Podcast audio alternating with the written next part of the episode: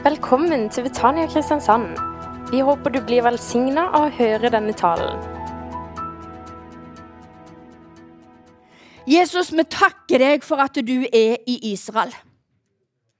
Takk at du er i Ukraina. Takk at du er i Brasil. Takk at du er her. Beveg hjertene våre, Jesus. Berør oss, sånn at vi kan gå ut og berøre andre. Deg til ære, oss til gavn. Amen.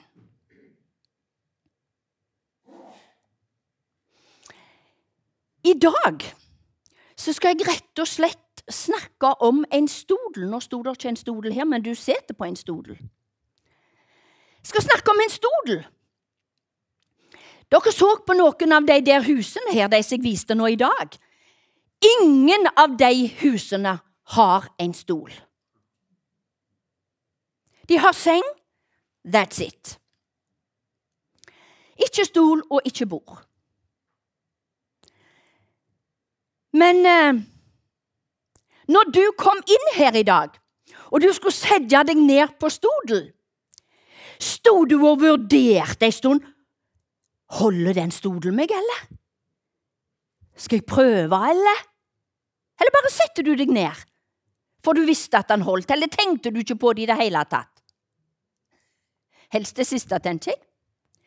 Du visste der er det en stol, og kanskje din faste stol, til og med. vi er jo litt løgne. Til og med i Guds hus skal vi ha vår faste plass. Å, vi er fine, men ok, da, det er godt det kommer. men du setter deg ned, og så opplever du stolen. Den heller deg. Stolen, den heller deg. Heldige de som får lov å komme inn her på Betania og sitte på disse gode stolene. Som holder. Men det står i Guds ord, i Lukas 14 og vers 15, så står det om noen som er enda heldigere. Vet du hva det står om deg? Salig er den som får sitte til bords i Guds rike. Takk og lov! Det er stodel, det! Det er noe du kan stole på. Stol og stole på. Hvem er det som får lov å sitte til bords med Jesus, da? Da står i Johannes 1,12. Du kan det sikkert. Men alle dem som tok imot ham, dem gav han rett til å bli Guds barn. De som tror på hans navn. Jeg er blitt 67 år, så gammel at jeg sier 67. Men vet du hva? Jeg blir mer og mer begeistra for dette bibelverset som jeg lærte. Et av det første bibelverset jeg lærte. Men alle de som tok imot ham, de gav han rett til å bli Guds barn. De som tror på hans navn. Jeg er så begeistra for dette. Å, Forterende at det var synd å danse når jeg vokste opp. Åh, Jeg skal jammen ta det igjen når jeg kommer til himmelen, altså. For du snakker meg om at du har lyst til å danse. Tenk at jeg er Guds barn! Og ikke fordi at jeg får det til eller ikke får det til, men fordi at han har fått det til. Takk og lov! Jeg er Guds barn av bare nåde. Han har gitt meg retten, og ingen kan ta det fra meg. Å, men jeg er begeistra for den Jesus. Alle som vil. Men hør, i dag så har jeg lyst til å snakke om en helt spesiell stodel.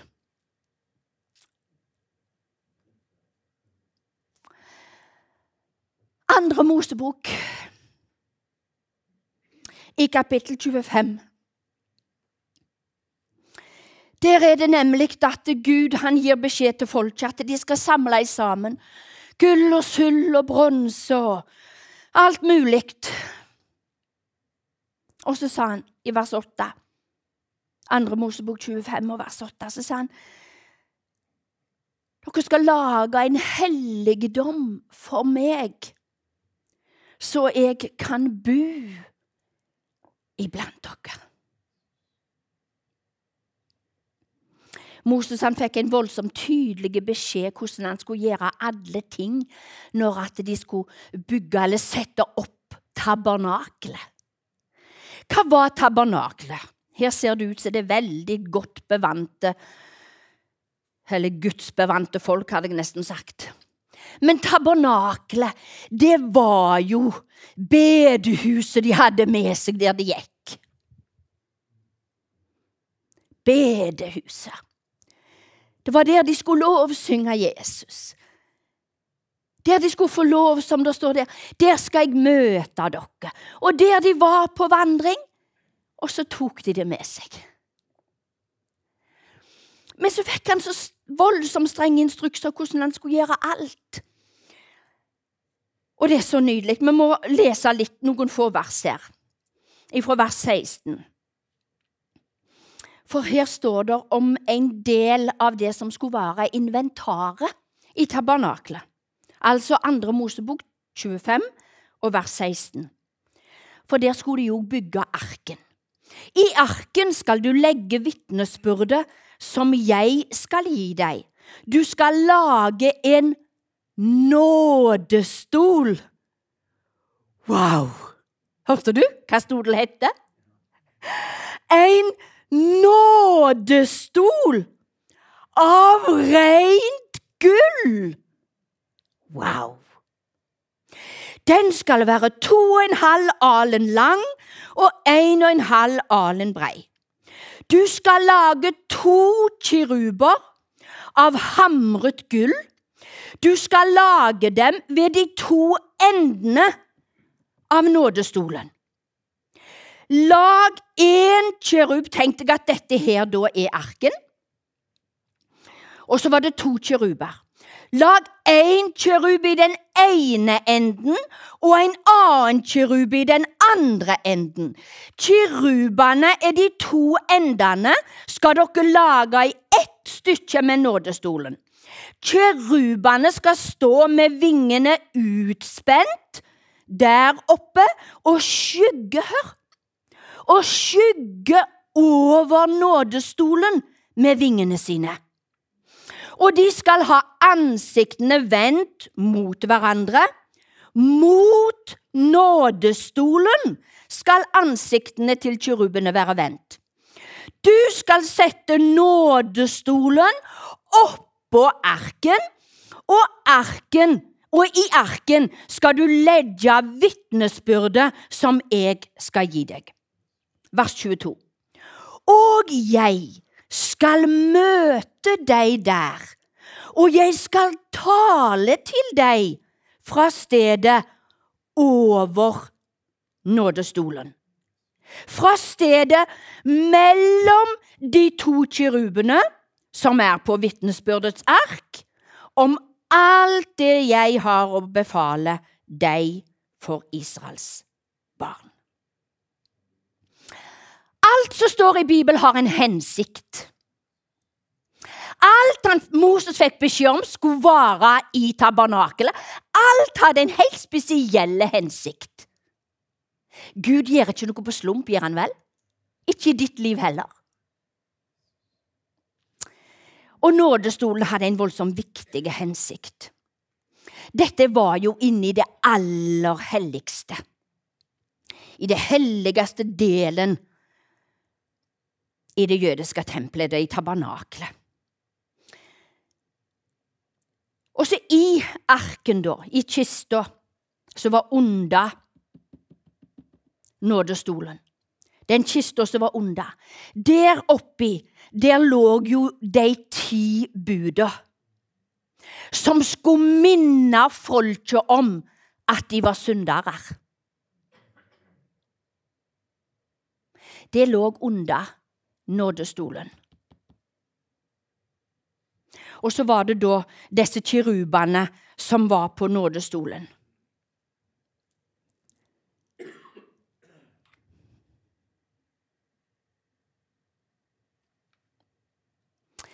ypperste presten én gang i året så skulle ypperste presten gå inn i det aller helligste.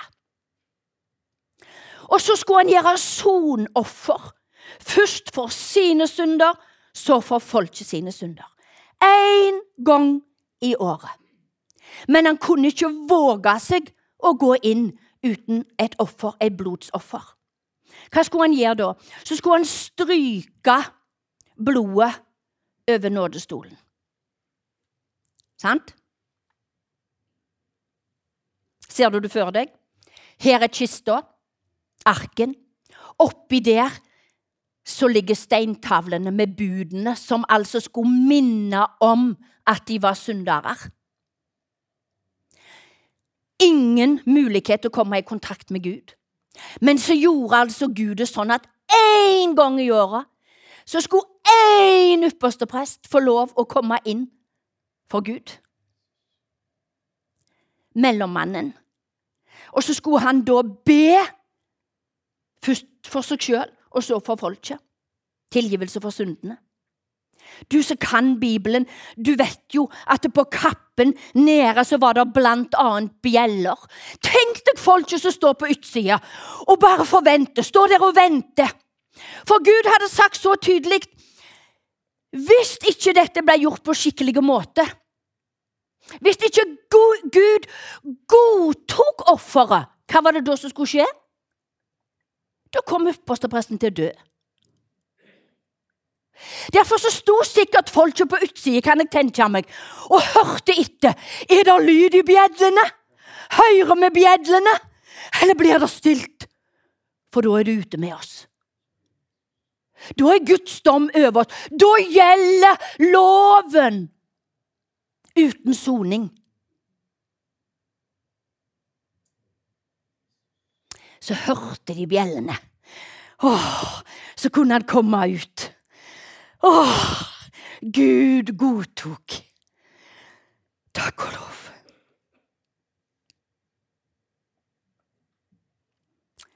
Hva var det det skulle bety nåde? Nådestolen. Hva skulle det representere? Nådestolen det var altså noe som var imellom loven og bud og kravet og Gud. For vi leste jo vet du, at Guds nærvær var over kirubene. Så her er syndene, og her er Gud. Hva var det som var imellom Gud og syndene? Hva var det? Hva var det? Litt høyere. Én, to, tre. En gang til. En, to, tre. Hørte du hva du sa? Nådestolen. Jeg sier deg altså halleluja. Halleluja for nådestolen. Hør.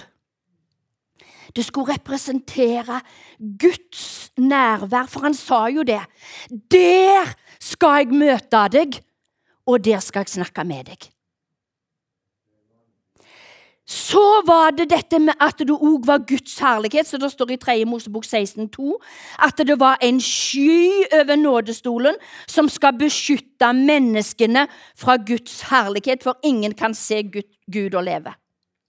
Og så var det òg Guds nåde, altså blodet, sonofferet. Jeg måtte slå opp. Hadde nesten takk bare for løye, men for, jeg, jeg syns det var interessant å slå opp og se hva det står, hva betyr nåde, i det store norske leksikon. Og så står det på nynorsk, hør nå her. I kristendommen er nåde et uttrykk for Guds kjærleik og miskunn. Ifølge kristendommen let Gud nåde gå for rett for Kristi skyld. Det vil si at Gud fritek de skyldige for den fortjente straffa, tilgir dem og tilbyr dem evig liv i sitt rike. Ja, halleluja. Kan jeg få lese det en gang til? Hør hva det står i leksikonet. I kristendommen er nåde et uttrykk for Guds kjærleik og miskunn. Ifølge kristendommen let Gud nåde gå for rett for Kristi skyld. Det vil si at Gud fritek de skyldige for den fortjente straffa. Tilgir deg og tilbyr deg evig liv i sitt rike. Halleluja. Takk, Jesus. Dette er en stodel du kan stole på. For stodel, det var jo at du kan hvile på den, du kan sitte på den. Du kan hvile. Så nådestol.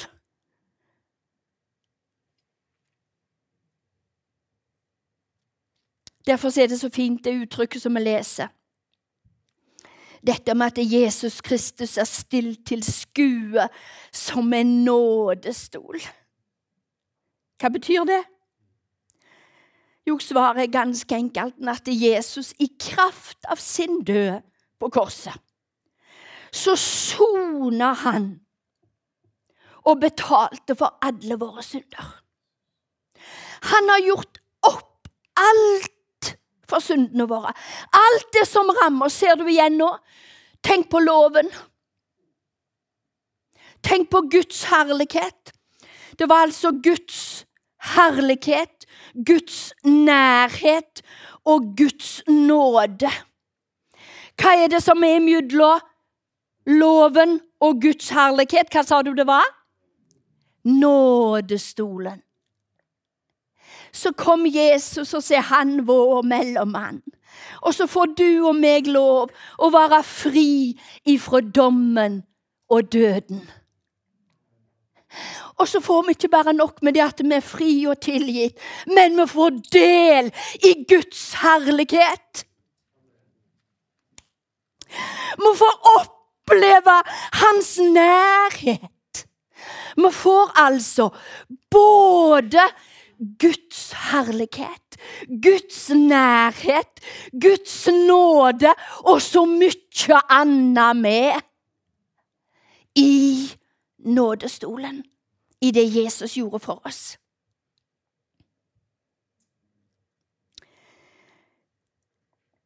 Vi kan nok inniblant kjenne at vi blir anklaga både fra oss sjøl og kanskje fra andre. Men det vi skal få lov å lytte til, det er det som står her. Det er det vi skal få lov å speile oss i. Det er her du skal få lov å se deg glad på all hans herlighet. Og så sier han, vet du Jeg vil møte deg der og tale med deg der. Jeg er så glad, venner, at møtestedet vårt er Kristus.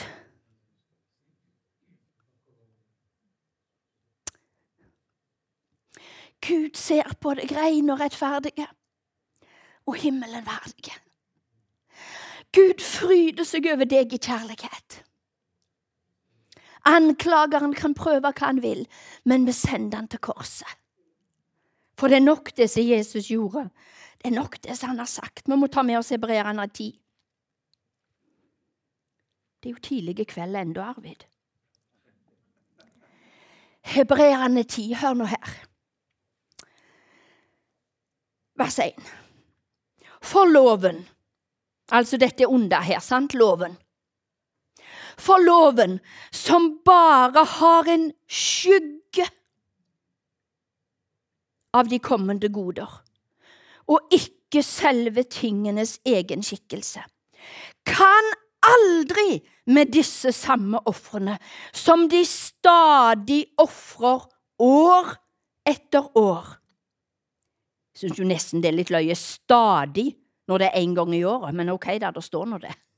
For det holder på i noen år. Men dette kan altså ikke gjøre de fullkomne. Men så står det i vers 9.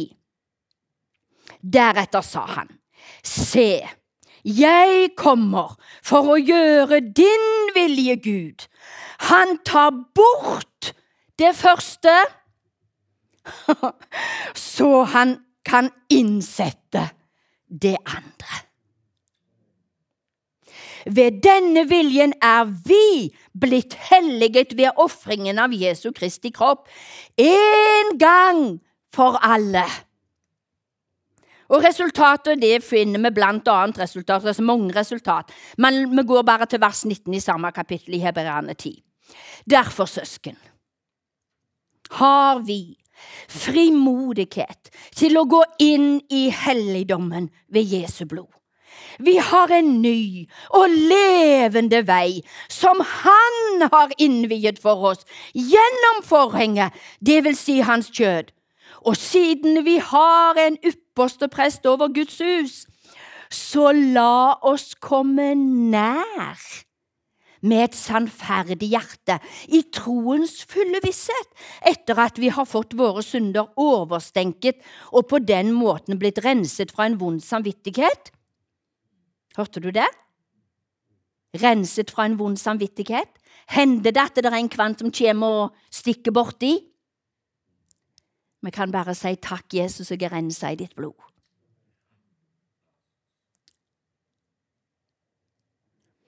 Og også fått våre kropper vasket med rent vann. Mange kloke menn har sagt at noe av det viktigste som står i Bibelen, finner vi i Romerne kapittel 3, vers 21-25. Og jeg tror jeg må si meg helt enig. Hør hva det står. Romerne 3, 21-25. Men nå er Guds rettferdighet, som loven og profetene vitner om, blitt åpenbart uten loven. Det er Guds rettferdighet ved tro på Jesus Kristus til alle og over alle som tror. For det er ingen forskjell. Alle har syndet og mangler Guds herlighet, og de blir rettferdiggjort for intet av Hans nåde ved forløsningen i Kristus Jesus. Ham stilte Gud til skue i hans blod som en nådestol ved troen, for å vise sin rettferdighet, fordi han i sin langmodighet hadde båret over med de syndene som før var gjort. Ved dette vil Gud vise sin rettferdighet i den tiden som nå er, så han kunne være rettferdig og rettferdiggjøre den som har troen på Jesus. Så derfor, venner, kan vi få lov oss å fryde oss over at han er nådestolen. Jeg vet ikke om du tenker, men jeg hørte vi Sunnestein fortalte her at du hadde vært i gravhagen. Jeg har òg vært der, det er altfor lenge siden. Men vi leser jo i Johannes, blant annet, Johannes i 21, så leser vi jo det. Vi leser om Maria når hun kommer inn. Jesus var død, det visste de. Han var lagt i grave, det visste de. Tredje dagen så går Maria, Salome, Maria Magdalena så går de til grava. For de vil salve Jesu legeme. Så kommer de inn der, og så møter de ei tom grav.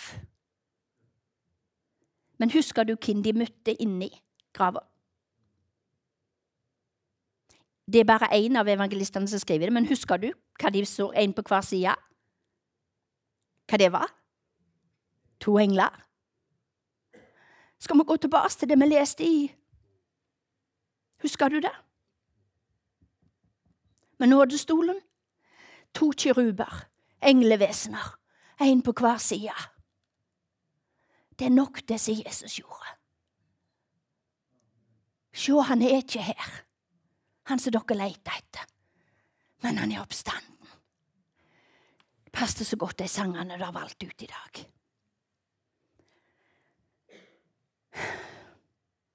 Se, han er ikke her, men han er oppstanden. Har du møtt han? Maria fikk møte han. Visste ikke hvem det var, hun. Hun var så fortvila at hun trodde det var gartneren. Og så hører hun bare en som sier Maria. Har du hørt han har sagt ditt navn?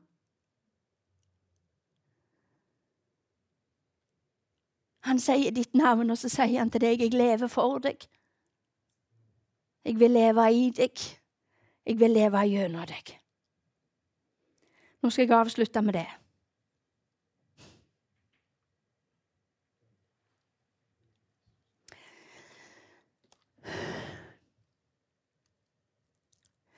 Sitt godt på nådestolen. Hvil i nådestolen. Det er nok for Gud, og det er nok for deg. Det er nok for meg. Hvordan kan dette være relevant for oss i dag, i 2023? Jo, det er så til de grader relevant.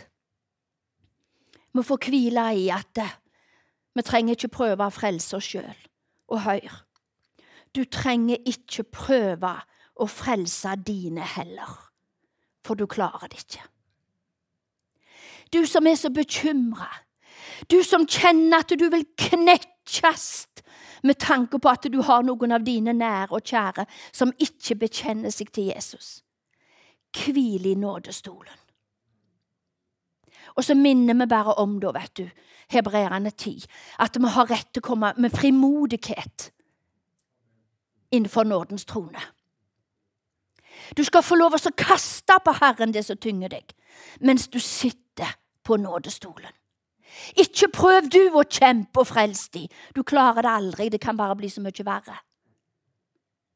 Men sitt i nådestolen og hvil i løftene mens du lever innenfor nådens trone. Vi takker deg for dette, Jesus. Vi takker deg. Halleluja! Å, Jesus, jeg er så begeistra for deg. Jeg er så takknemlig for deg.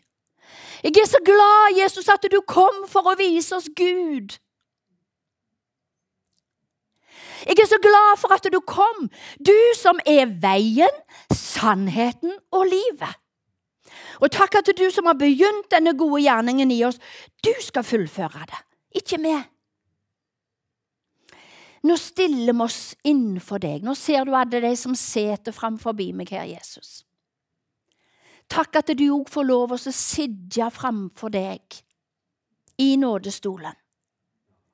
Med en takknemlighet i hjertet sitt for det du har gjort.